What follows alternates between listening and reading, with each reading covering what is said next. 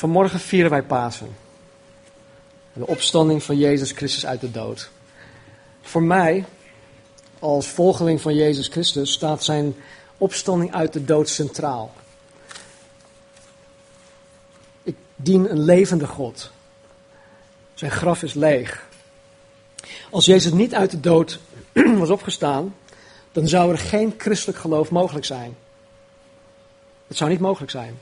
Want alles waar ik als wedergeboren christen in geloof draait om de opstanding van Jezus uit de dood. Mijn heden, mijn leven hier op aarde, mijn toekomst, mijn plaats in het hiernamaals, is volkomen afhankelijk van Jezus' opstanding uit de dood. Maar als ik het er vandaag de dag met mensen over heb, waar dan ook, buiten de kerk, als ik zeg dat ik daarin geloof, dan kunnen mensen niet geloven dat ik daarin geloof. Want ja, welk weldenkend mens zou in zoiets onwerkelijks kunnen geloven? Wij. Vorig jaar op Goede Vrijdag, tijdens de uitzending van Pauw en Witteman, zei Jeroen Pauw tegen, tegen Andries Knevel dat de opstanding van Jezus uit de dood niet mogelijk was. Hij zei dat vanuit een historisch oogpunt het wel mogelijk was geweest dat de persoon Jezus Christus bestond. Dat het ook mogelijk was dat de persoon Jezus Christus gekruisigd werd en dat de persoon Jezus ook stierf. Allemaal mogelijk, zei hij. Maar Jeroen Pauw moest er absoluut niets van weten toen er getracht werd om Jezus' opstanding uit de dood uit te leggen. Jeroen zei dat als Jezus na zijn kruisiging door ooggetuigen levend gezien werd, dan was Jezus simpelweg nooit dood geweest. Kan niet. En misschien gelooft u of geloof jij vanmorgen ook niet in de opstanding van Jezus. Prima. Ik had er ooit ook niet in geloofd. Maar nu geloof ik wel. Dus mocht je vanmorgen niet, daarin niet geloven, of misschien is vanmorgen de allereerste keer dat je iets over de opstanding van de dood van Jezus Christus uitgelegd krijgt, dan heb ik in het bijzonder voor, voor u of voor jou gebeden. Want het is heel belangrijk dat je weet waar dit over gaat. En ik heb gebeden dat Jezus Christus zichzelf vanmorgen springlevend aan je gaat vertonen. En dan moet je niet verwachten dat hij hier zometeen de deur binnenkomt wandelen, maar door middel van de Heilige Geest zal hij jou laten zien dat hij inderdaad leeft. En als je ervoor open staat, dan zal de Heilige Geest tot je hart spreken. Gegarandeerd.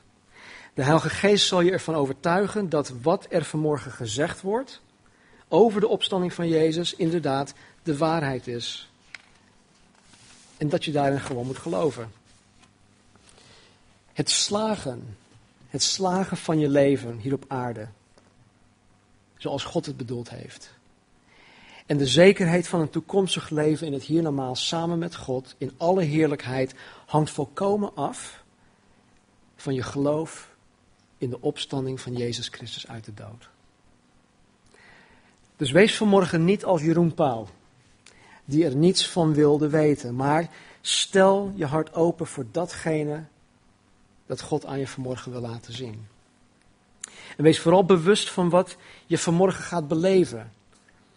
Misschien ben je voor het eerst in een, in, een, in, deze, in een kerkzaal, in een setting, maar er gaat iets met je gebeuren vanmorgen. En wees daarvan bewust. Denk goed na wanneer de Heilige Geest tot je hart gaat spreken. En misschien herken je dat niet als zodanig van, oh ja, nou de Heilige Geest heeft tot mijn hart gesproken. Nee, misschien gebeurt er gewoon iets binnenin dat, dat onverklaarbaar is. Nou weet dat dat de Heilige Geest is. En reageer daarop. Door je hart voor Hem te open te stellen, zodat ook jij vanmorgen een persoonlijke relatie met de opgestane Jezus Christus kan aanknopen.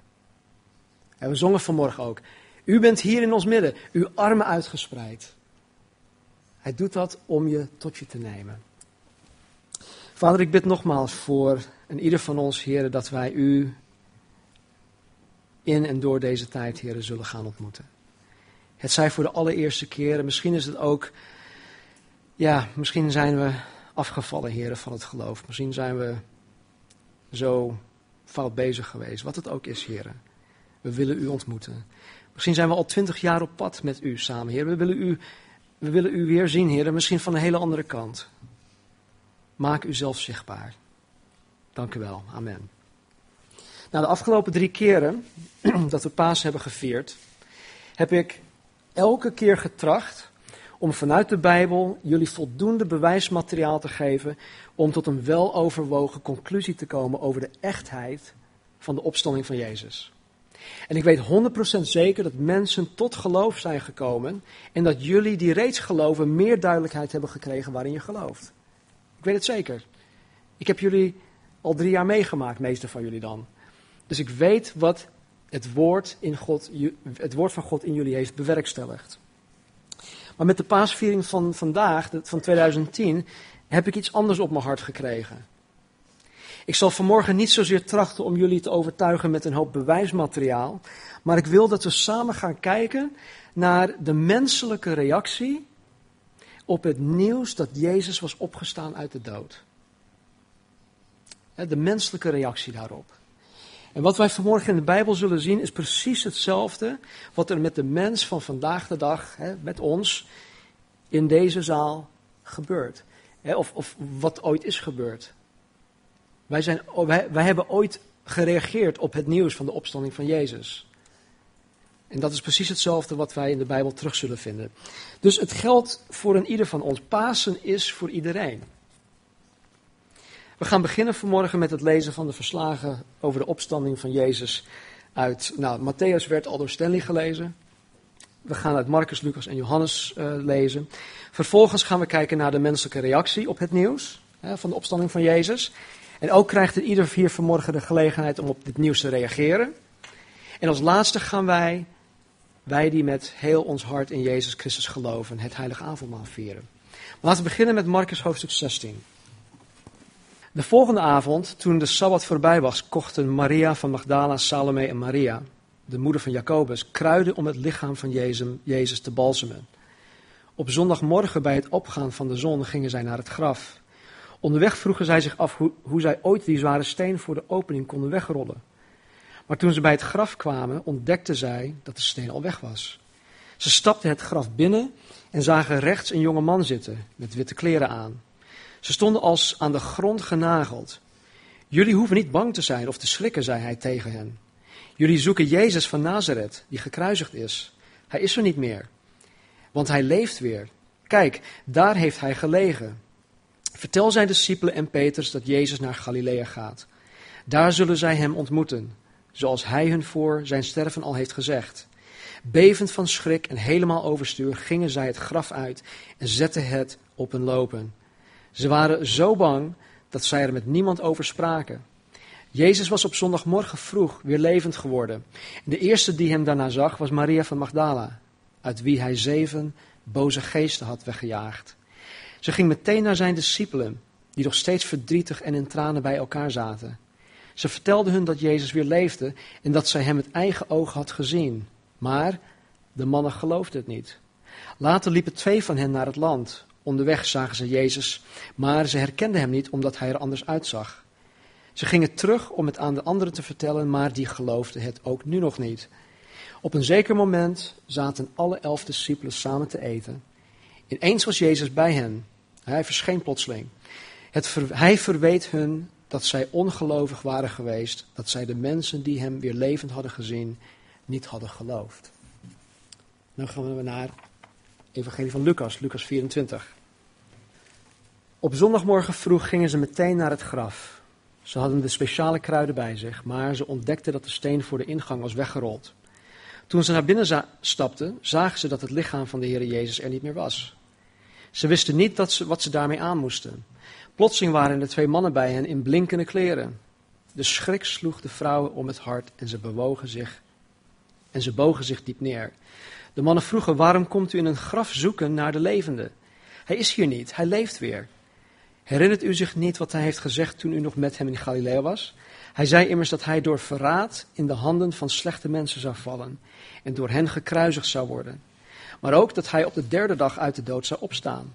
Zij herinnerde zich dat hij, in dat hij dat inderdaad had gezegd. Ze holden terug naar Jeruzalem om aan zijn elf discipelen en al de anderen te vertellen wat er gebeurd was. Maar toen de vrouwen, het waren Maria van Magdala, Johanna, Maria de moeder van Jacobus, en verschillende anderen het aan de mannen vertelden, wilden die hen niet geloven. Ze zeiden dat het onzin was. Petrus liep toch vlug naar het graf om eens te kijken.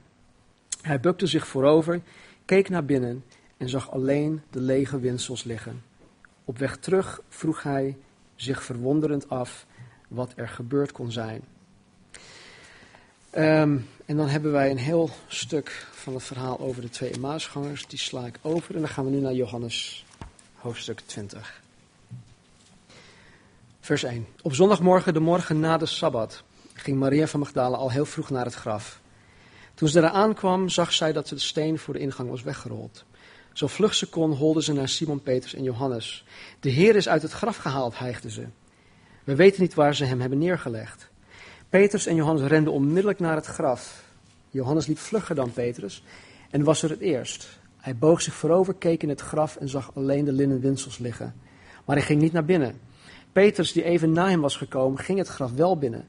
Hij zag de winsels en ook de doek waarmee Jezus hoofd bedekt was geweest. Die doek was opgerold en, en lag apart. Johannes ging toen ook naar binnen. Door wat hij zag, geloofde hij dat Jezus weer levend was geworden.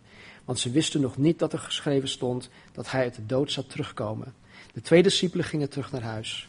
Maria van Magdala bleef echter bij het graf achter. Snikkend boog zij zich voorover en keek in het graf. Op de plaats waar Jezus had gelegen zag zij twee engelen in witte kleren zitten. Eén aan het hoofdeinde en, en één aan het voeteinde van de plaats waar hij gelegen had. Waarom huilt u? vroegen zij haar. Ze hebben mijn Heer weggenomen, antwoordde Maria. En ik weet niet waar hij is. Ze keek achterom, daar stond Jezus, maar zij herkende hem niet. Ze dacht dat het de tuinman was. Waarom huilt u? vroeg Jezus. Wie zoekt u? Och, heer of meneer, als u hem ergens heeft of anders hebt neergelegd, zeg het alstublieft. Dan neem ik hem mee, zei Maria. Zij zei, Maria, zei Jezus. Ze keek hem aan. Meester, riep ze uit. Raak me niet aan, zei Jezus, want ik ben nog niet teruggekeerd naar mijn vader. Ga naar mijn broeders en vertel hun dat ik terugga naar mijn vader, dat ook jullie vader is, naar mijn God, die ook jullie God is. Maria ging snel naar Jezus' discipelen. Ik heb de Heer gezien, zei ze en vertelde hun wat hij tegen haar had gezegd. S'avonds zaten de discipelen bij elkaar. Ze hadden de deur op slot gedaan, omdat ze bang waren voor de Joden. Ineens was Jezus bij hen. Vrede, zei hij. Ze zagen zijn handen, zijn zijde. Wat waren ze blij dat zij de Heere zagen. Vrede, zei Jezus. Zoals de Vader mij gestuurd heeft, zo stuur ik jullie. Toen blies hij zijn adem over hen heen en zei: Ontvang de Heilige Geest. Wie jullie zijn zonde vergeven is, is ervan verlost. Maar wie jullie het aanrekenen, moet zijn zonde dragen. Een van de twaalf discipelen, Thomas, was er niet bij. Toen de andere discipelen hem vertelden dat zij de Heer hadden gezien, wilde hij het niet geloven. Ik kan het pas geloven, zei hij, als ik de wonden van de spijkers in zijn handen zie en met mijn eigen hand voel dat hij een wond in zijn zij heeft. Acht dagen later waren de discipelen weer bij elkaar. Thomas was er deze keer wel bij. Ze hadden de deur op slot gedaan. Ineens was Jezus in hun midden. Vrede, zei hij. Thomas, zie je mijn handen en mijn zij? Voel er maar eens aan en twijfel niet meer. Geloof dat ik leef. Mijn Heere en mijn God, stamelde Thomas. Geloof je het nu, omdat je me ziet? zei Jezus. Gelukkig zijn, zij, zijn de mensen die in mij geloven zonder mij gezien te hebben. Nou, een heel stuk tekst. En ik heb nog een aantal dingen overgeslagen. Er staat ontzettend veel in deze verse. Eh, genoeg om er tientallen preken over te houden. Ik begrijp heel goed dat als ik het vanmorgen alleen maar ga hebben over de menselijke reactie op het nieuws, dat ik heel veel dingen moet gaan overslaan. En dat is gewoon niet anders. Dus als ik iets, ja, als je het idee krijgt dat ik iets oversla of dat ik er snel overheen ga, dan is dit de reden. Nou, wat mij ten eerste opvalt uit dit verhaal, is dat Jezus zichzelf niet aan Jan en Alleman liet zien. Hij verscheen als eerste aan Maria van Magdala, uit wie Jezus zeven demonen had uitgedreven. De Bijbel zegt dat Jezus zichzelf aan Cleopas en aan de andere discipelen verscheen die op weg waren naar Emmaus. Dat hebben we niet gelezen. Hij verscheen ook aan de elf apostelen, de discipelen. En volgens 1 Korinthe 15 verscheen Jezus aan meer dan 500 gelovigen in één keer. En uiteindelijk ook aan de apostel Paulus. Nou, de vraag die ik mezelf dan stel, is waarom verscheen Jezus alleen aan deze mensen? Waarom verscheen Jezus alleen aan deze mensen? Waarom verscheen Jezus niet aan de religieuze leiders die hem hadden veroordeeld tot de dood aan het kruis? Waarom niet aan de menigte die op Palmzondag allemaal Halleluja, Hosanna riepen? En vier dagen later bleven schreeuwen van kruisig hem, kruisig hem. Waarom verscheen Jezus niet aan hen? Nou, in, in, in het Evangelie van Johannes 12, vers 39 staat dat de Joden in Jeruzalem, die de Bijbel heel goed kennen, onder wie Jezus veel wonderen heeft verricht, niet in hem geloofden. Dus er waren heel veel mensen die de Bijbel heel goed kenden, die met eigen ogen wonderen en tekenen hebben gezien, maar toch niet in Jezus geloofden. En er staat in, Johannes 12, 39 dat zij niet geloofden omdat zij niet konden geloven. Dat is heel belangrijk. Zij konden niet in Jezus geloven. En dit waren mensen vanuit alle lagen van de Joodse bevolking, die zoals Jeroen Pauw gewoon niet wilden geloven. En Jezus, die alwetend is, wist bij voorbaat dat al die mensen die voor zijn kruisiging niet in hem wilden geloven, ook niet na zijn opstanding in hem zouden geloven. Dus daarom had hij zichzelf niet aan hen vertoond. Ik kom hier later op terug. Nou, voor wat betreft de menselijke reacties op het krijgen van het nieuws dat Jezus daadwerkelijk uit de dood is opgestaan, zie ik iets dat mij aan de ene kant verbaast, maar aan de andere kant bemoedigt het mij. In Marcus 16, vers 9 tot 13 lees ik dit. Jezus was op zondagmorgen vroeg weer levend geworden. De eerste die hem daarna zag was Maria van Magdala, uit wie, zeven boze, uit wie hij zeven boze geesten had weggejaagd. Ze ging meteen naar zijn discipelen toe, die nog steeds verdrietig en in tranen bij elkaar zaten. Ze vertelde hun dat Jezus weer leefde en dat zij hem met eigen ogen had gezien. Maar de mannen geloofden het niet. Later liepen twee van hen naar het land. Onderweg zagen ze Jezus, maar zij herkenden hem niet omdat hij er anders uitzag. Ze gingen terug om het aan de anderen te vertellen, maar die geloofden het ook nu nog niet. En even verder in Lucas zien wij dat ze zelfs zeiden dat het onzin was. De eerste reactie, de eerste reactie van de discipelen was dat zij het niet geloofden. Ondanks dat deze vrouwen ooggetuigen waren, geloofden zij het niet. Voor hun was het onzin. Je wil niet weten hoe lang ik het onzin heb gevonden. Dat Jezus Christus uit de dood was opgestaan. Ik volhardde daarin. Maar toch heeft God mij daarvan weten overtuigen. Nou, ik weet natuurlijk niet wat het was om in hun schoenen te, te hebben gestaan. Maar het verbaast me wel een beetje dat zij, dat zij het niet geloofden. Ze hebben uiteindelijk drie jaar lang, dag in en dag uit, met Jezus opgetrokken. Ze hebben van heel dichtbij meegemaakt dat Jezus mensen met ongeneeslijke ziekte genezen had. Ze hebben met eigen ogen gezien dat Jezus mensen had bevrijd van uh, demonen, mensen die bezeten waren. Ze hebben met eigen ogen gezien dat hij tal van bovennatuurlijke wonderen had verricht. En dat Jezus de storm op de zee had gesust. Dat Jezus zelf op het water liep. Dat Petrus ook op het water mocht lopen. Dat Jezus zelfs mensen uit de dood had opgewekt. Dit hebben ze allemaal van dichtbij meegemaakt. Kortom, ze hadden dingen met eigen ogen gezien en meegemaakt die niemand anders in de gehele geschiedenis van de mens ooit had meegemaakt. Dat hadden zij wel meegemaakt.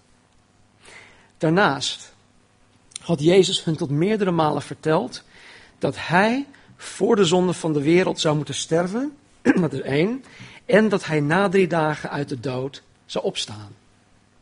hij had het hun verteld.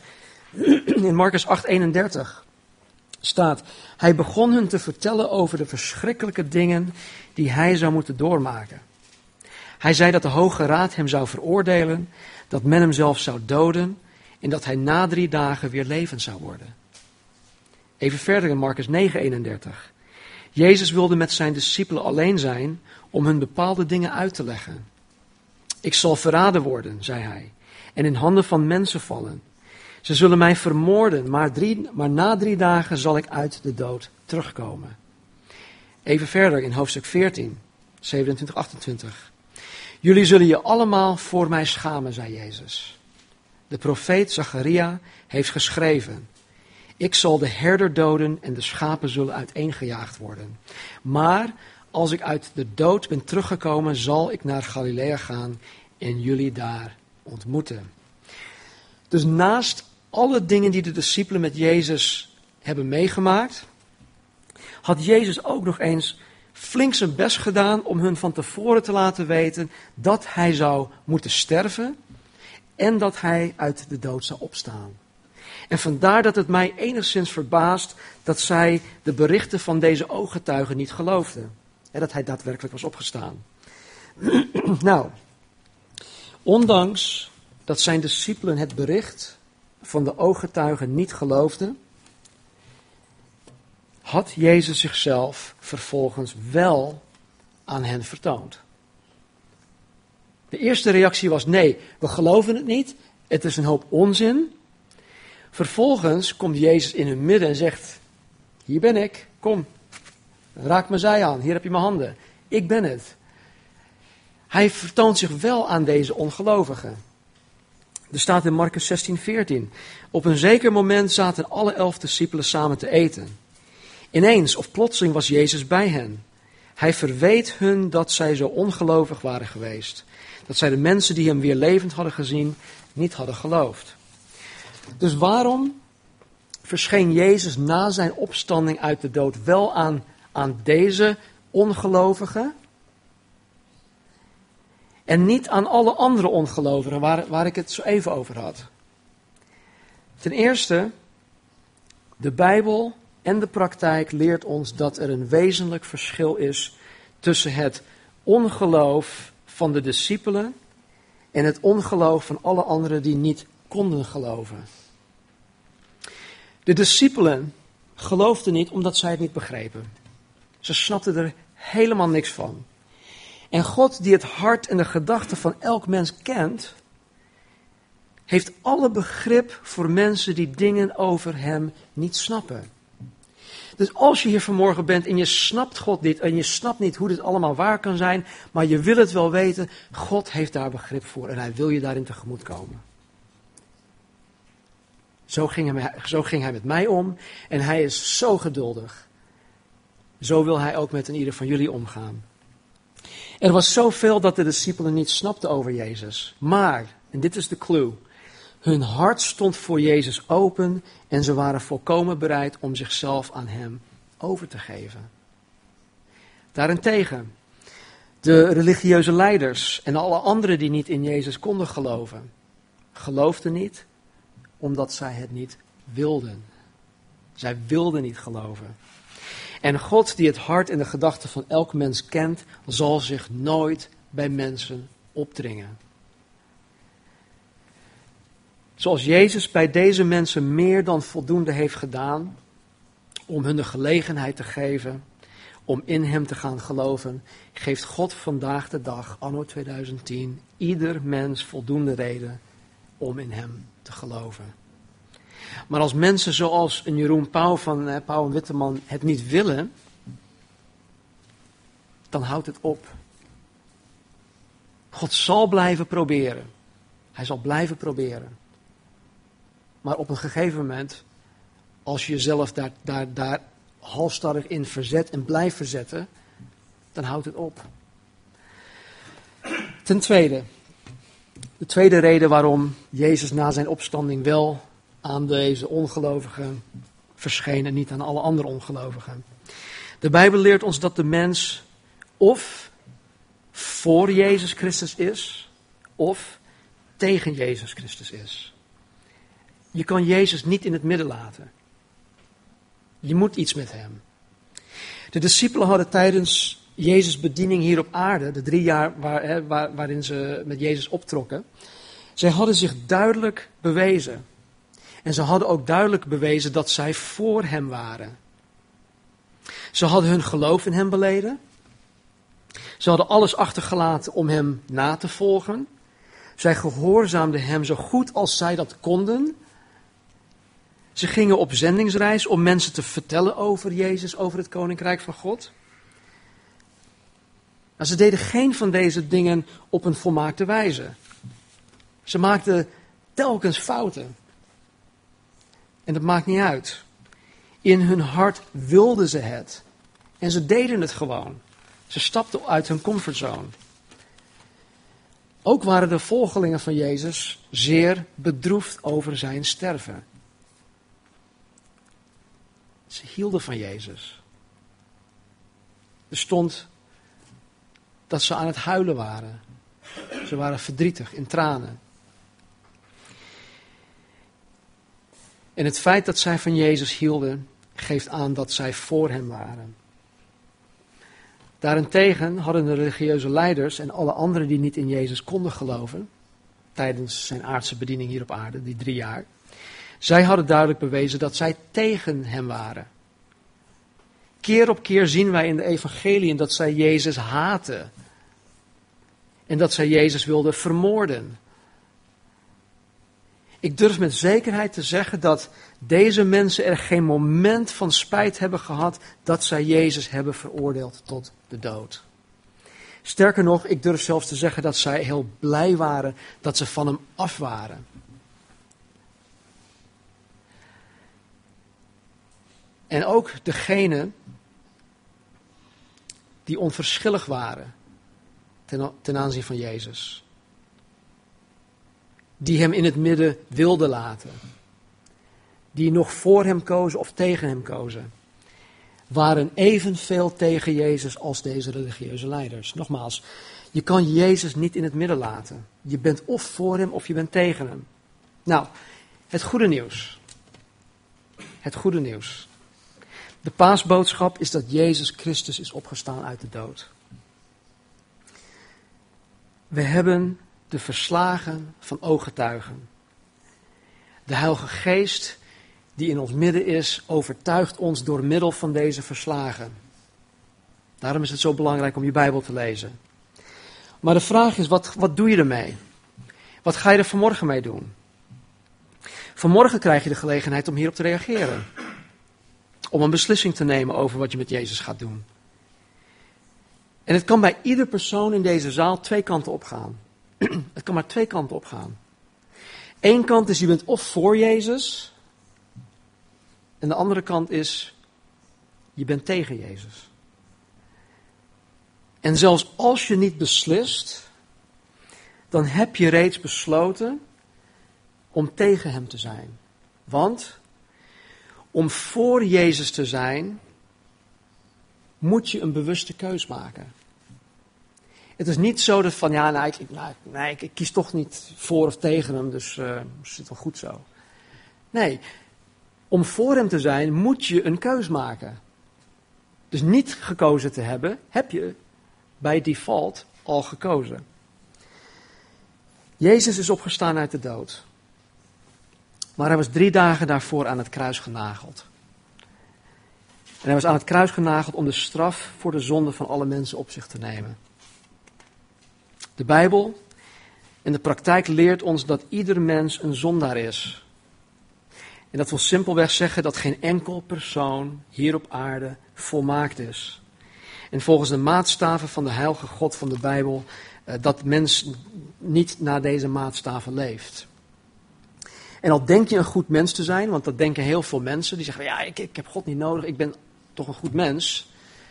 Al denk je dat, is het volgens Gods maatstaven nog niet voldoende. Gods maatstaf vereist dat je volmaakt bent. Niemand is volmaakt.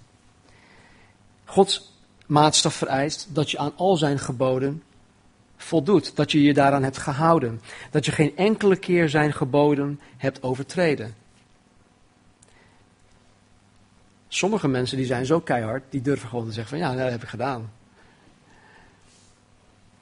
Maar heb je ooit gelogen? Al, al is het om bestwil. Dat is een hele conservatieve inschatting. Heb je ooit gelogen? Tuurlijk. We hebben zelfs ergere, dingen gedaan. Weet het zeker. Ik denk dat als we eerlijk zijn, dat we moeten toegeven dat wij niet volmaakt zijn. En dat we zondaar zijn. De Bijbel leert ons ook dat God de zonde moet straffen. En dat de straf voor de zonde de dood is. Nou, dat is heftig. Waarom zo radicaal, zou je zeggen? Zonde verdient de doodstraf. Maar God, en dit is weer het goede nieuws. God, die mij zo lief heeft, heeft een plan bedacht waarin ik deze doodstraf kan ontlopen. Hij heeft zijn zoon, Jezus Christus, naar de aarde toegestuurd om mijn veroordeling tot de doodstraf op zich te nemen. Jezus is in mijn plaats gestorven. En dit is het evangelie, dit is het goede nieuws. Ik zei vorige week, uh, volgens mij, dat als ik schuldig was bevonden van. Stel dat ik een seriemoordenaar ben. En het is vorige week tot licht gekomen dat ik uh, schuldig ben van, van honderden moorden. Wie van jullie zou in mijn plaats, stel dat we in Amerika zaten, eh, op de elektrische stoel gaan zitten? Ik denk dat jullie, ja, Maarten zegt, ik zou het wel doen. ik denk dat in ieder van jullie zou zeggen van, joh, eh, je bent schuldig, uh, eigen schuld, dikke bult. Je krijgt wat je, wat je toekomt. Maar Jezus, hij zegt, nee, daarvoor ben ik gekomen. Ik weet dat je schuldig bent en ik ben in jouw plaats. Ik ga in jouw plaats naar het kruis of naar de elektrische stoel. Dat is het goede nieuws. En door te beseffen dat ik een zondaar ben, die veroordeeld, die veroordeeld is tot de doodstraf, door te erkennen dat Jezus in mijn plaats is geëxecuteerd. Door, door me te bekeren van mijn oude leven zonder een godsbesef. Door voor Jezus te zijn en te gaan, geeft God mij gratie. God geeft me gratie. Hij geeft me een kwijtschelding van mijn straf. En hij zegt, Stan Marinesen, geheel um, on, innocent, um, onschuldig. 100% onschuldig. 100% rechtvaardig. Door Jezus te aanvaarden als mijn verlosser ontvang ik dit. En dit, ontvangen jullie ook als je Jezus aanvaardt als je verlosser. Je krijgt kwijtschelding van de doodstraf. Je krijgt vergeving en reiniging van al je zonden. En weet je, niet alleen dat de zonde weggenomen is, maar ook die, die vervelende schuldgevoelens daarover. Ik denk dat voor vele mensen de schuldgevoelens over zonde nog veel zwaarder weegt dan de zonde zelf. En niets hier op aarde kan die schuldgevoelens wegnemen. De psychologie die, die probeert te zeggen van joh, nee joh, je doet het allemaal niet zo erg, je moet het niet zo serieus nemen want uiteindelijk ehm, is het allemaal goed. Je legt de lat veel te hoog voor jezelf. De schuld van de zonde kan Jezus Christus wegnemen. En dan kan je vergeven worden. Dan kan je zoiets. Je begint helemaal met een schone lei. Als je Jezus Christus als verlossing aanneemt, krijg je een persoonlijke relatie met de God van de Bijbel. De Heilige Geest komt in je wonen die je kracht geeft, die je wijsheid geeft, die je uh, liefde geeft en nog veel meer geeft. Je krijgt het eeuwig leven, die hier op aarde reeds begint. En je krijgt nog veel meer. Nog veel meer. En dit is het goede nieuws. Jezus is opgestaan. Nou, als iemand mij dit twintig jaar geleden had verteld, op deze manier, dan had ik gezegd van, joh, wie zou dit niet willen? Waarom heb ik dit niet eerder geloofd? Waarom heb ik zo lang zitten vroeten in mijn vlees en in mijn hè, mijn, mijn, eh, mijn on, uh, ontoereikendheid en, en, en, uh, en alle dingen waarin, waarin ik tekort schiet. Waarom heb ik niet, dit niet eerder gedaan? Nou, vanmorgen krijg je die gelegenheid. En niet dat je denkt van, nou, ik doe het een andere keer. Want je weet niet of je die andere keer nog krijgt. Laten we bidden. Vader, ik dank u voor uw woord. Ik dank u, Heer, dat u zo ver bent gegaan om onze straf, Vader, op u te nemen. En Heer, dat u door uw liefde, Heer, voor mij, voor ons, zulke radicale maatregelen heeft getroffen. Heer, om, om ons, Heer, kwijt te schelden van de straf die wij verdienen.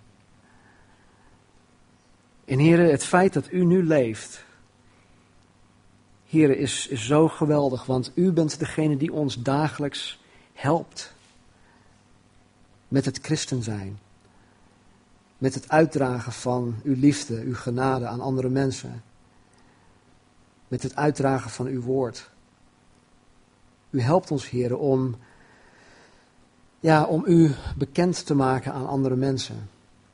Zodat ook zij kunnen genieten, Heer, van het leven die u geeft. En Heer, het leven die u geeft is het allerbeste wat de mens ooit zal kennen. Dus Vader, ik bid vanmorgen voor een ieder. Heren, degene die al jarenlang geloven, heren, dat u, ja, dat u zichzelf aan hen, Vader, op een hele bijzondere manier zal laten zien. Dat hun geloof in u, heren, versterkt en verdiept zal worden. Dat hun toewijding, Vader, nog meer en meer zal worden. Heren, degene die ja, die afvallig zijn geworden. Heren die door de zorgen en van het leven hier eigenlijk zoiets hebben van, nou ja, christen zijn, ik, uh, het is niet meer voor mij. Vader, trek hen terug. Heren, degenen die belast zijn met, met schuld, vader, schuldgevoelens door zonde, heren, door domme dingen die ze hebben gedaan, heren, door fouten die ze hebben gemaakt. Vader, vergeef hen. Neem de schuld weg, vader. En laat de Satan, heren, hen niet uh, blijven beschuldigen van de dingen die ze hebben gedaan. Heer, ik weet dat Satan zo goed is, heren, om in ons oor te fluisteren dat wij eigenlijk niet verdienen om vergeven te worden. Heer, en wij verdienen het ook niet. Heer, het is genade. Help ons dat te zien. En Heer, degene die u nog niet kennen, die vanmorgen misschien voor het eerst hebben gehoord dat Jezus überhaupt bestaat. Dat hij opgestaan is uit de dood. Dat hij voor hen gestorven is aan het kruis. Dat, er, dat ze zondaren zijn. Heren, help hen, Heer, om die stap te zetten naar u. Heren, om voor u te zijn en om voor u te gaan. Dus heren, wanneer we het heilig avondmaal vieren, vader, kijken we weer terug naar het offer dat uw zoon heeft gebracht. En we kijken vooruit, heren, naar uw wederkomst, heren, want uw woord zegt ook, Jezus, dat u zal terugkomen. En heer, we zien uit naar uw terugkomst. Dank u wel. Zegen aan ieder, vader, en dien ons, heren, met uw heilige geest. Spreek tot ons. Blijf tot ons spreken. Omwille van uw naam. In Jezus' naam. Amen. We gaan zo direct het heilige avondmaal vieren. En dan lees ik een stukje voor uit 1 Korinthe hoofdstuk 11. En Paulus blikt terug op het moment dat hij iets van Jezus zelf heeft meegekregen. En hij zegt, want ik heb van de Here ontvangen wat ik u ook heb overgeleverd dat de Heer Jezus in de nacht waarin hij werd verraden brood nam. Het was Pascha, de paasmaaltijd, Passover. En nadat hij gedankt had, brak hij het en zei: Neem, eet, dit is mijn lichaam dat voor u gebroken wordt. Doe dat tot mijn gedachtenis. Evenzo nam hij ook de drinkbeker na het gebruiken van de maaltijd. En Jezus zei, deze drinkbeker is het nieuwe verbond in mijn bloed. Doe dat zo dikwijls als u die drinkt tot mijn gedachtenis. Want zo dikwijls als u het brood eet en deze drinkbeker drinkt, verkondigt de dood van de Heer totdat hij komt. Dus wanneer wij zometeen het heilige avondmaal gaan, tot ons gaan nemen, dan denken wij terug aan het offer van Jezus Christus. We gaan onszelf ook zuiveren door dingen met God goed te maken. Als je erin gelooft, hoef je ook niet te schamen. Laat niets je weerhouden van het nuttige van het avondmaal.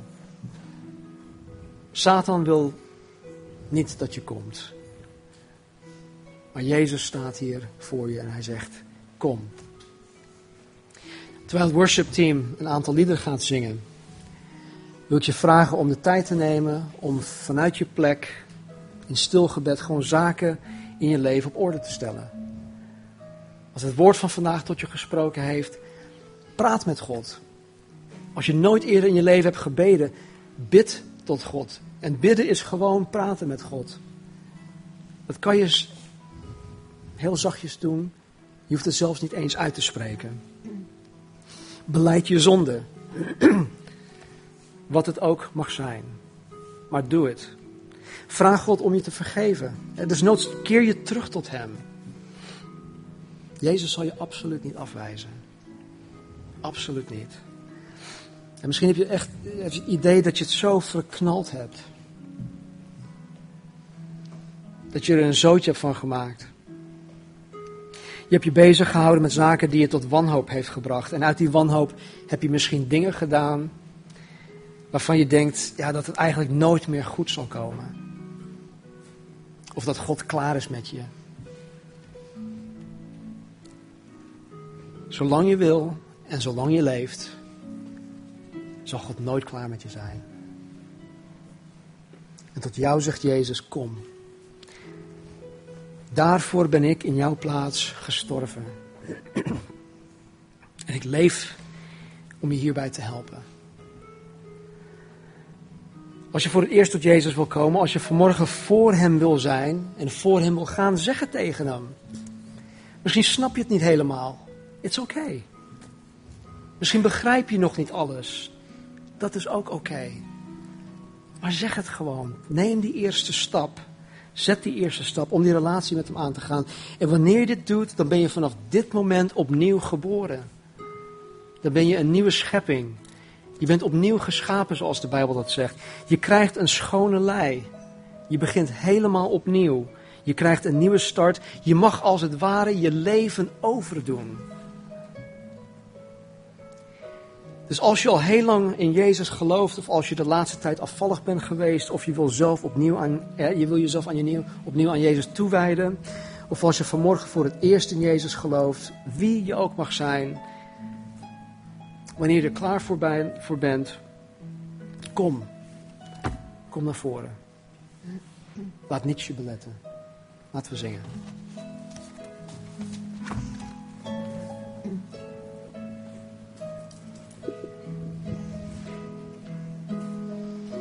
Amazing love. Laten we gaan staan. Pasen. de opstanding van Jezus Christus.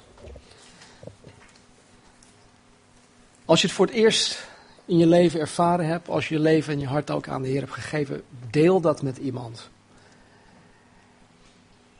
Als je terug bent gekomen van een zijweggetje. Deel dat met iemand. Als je helemaal vol bent van de Heer. En je was al vol van de Heer toen je vanmorgen binnenkwam, maar nu nog voller. Deel dat met iemand. We hebben zo meteen de gelegenheid om nog uh, samen koffie te drinken met elkaar. Dus uh, maak gebruik van die gelegenheid. Voor degenen die naar de, de bungalow willen, doe dat alsjeblieft. Zal nog uh, gave tijd zijn. Helaas is het weer niet supergoed, dus we moeten binnen blijven. Maar wees gezegend. Wees gezegend met deze paasviering. Geniet vooral nog van de, de vrije dag morgen. En denk vooral na over wat we vandaag gehoord hebben. Ik wil als laatste jullie nog dit meegeven. Romeinen 10, vers 9 en 11. Waarin Paulus zegt, als u zegt dat Jezus Christus uw Heer is en als u met uw hele hart gelooft dat God hem uit de dood heeft opgewekt, zult u gered worden. Door met uw hele hart op Christus te vertrouwen, wordt u rechtvaardig verklaard. En door daarvoor uit te komen, wordt u gered. Zo staat het ook in de boeken. En ieder die op hem vertrouwt, zal niet teleurgesteld worden. Ik ben voor geen enkel moment teleurgesteld in Jezus Christus. En ik hoop dat een ieder van jullie dat ook niet zal zijn. Ik weet zeker dat als je je vertrouwen in Hem stelt, dat het ook niet zo zal zijn. Dus wees gezegend. Wees een zegen voor elkaar. Mannen, wees lief voor je vrouwen en andersom ook. Kinderen en ouders. En uh, geniet vooral. Geniet van Gods goedheid, van elkaar en van deze mooie dag. God zegen jullie. Amen.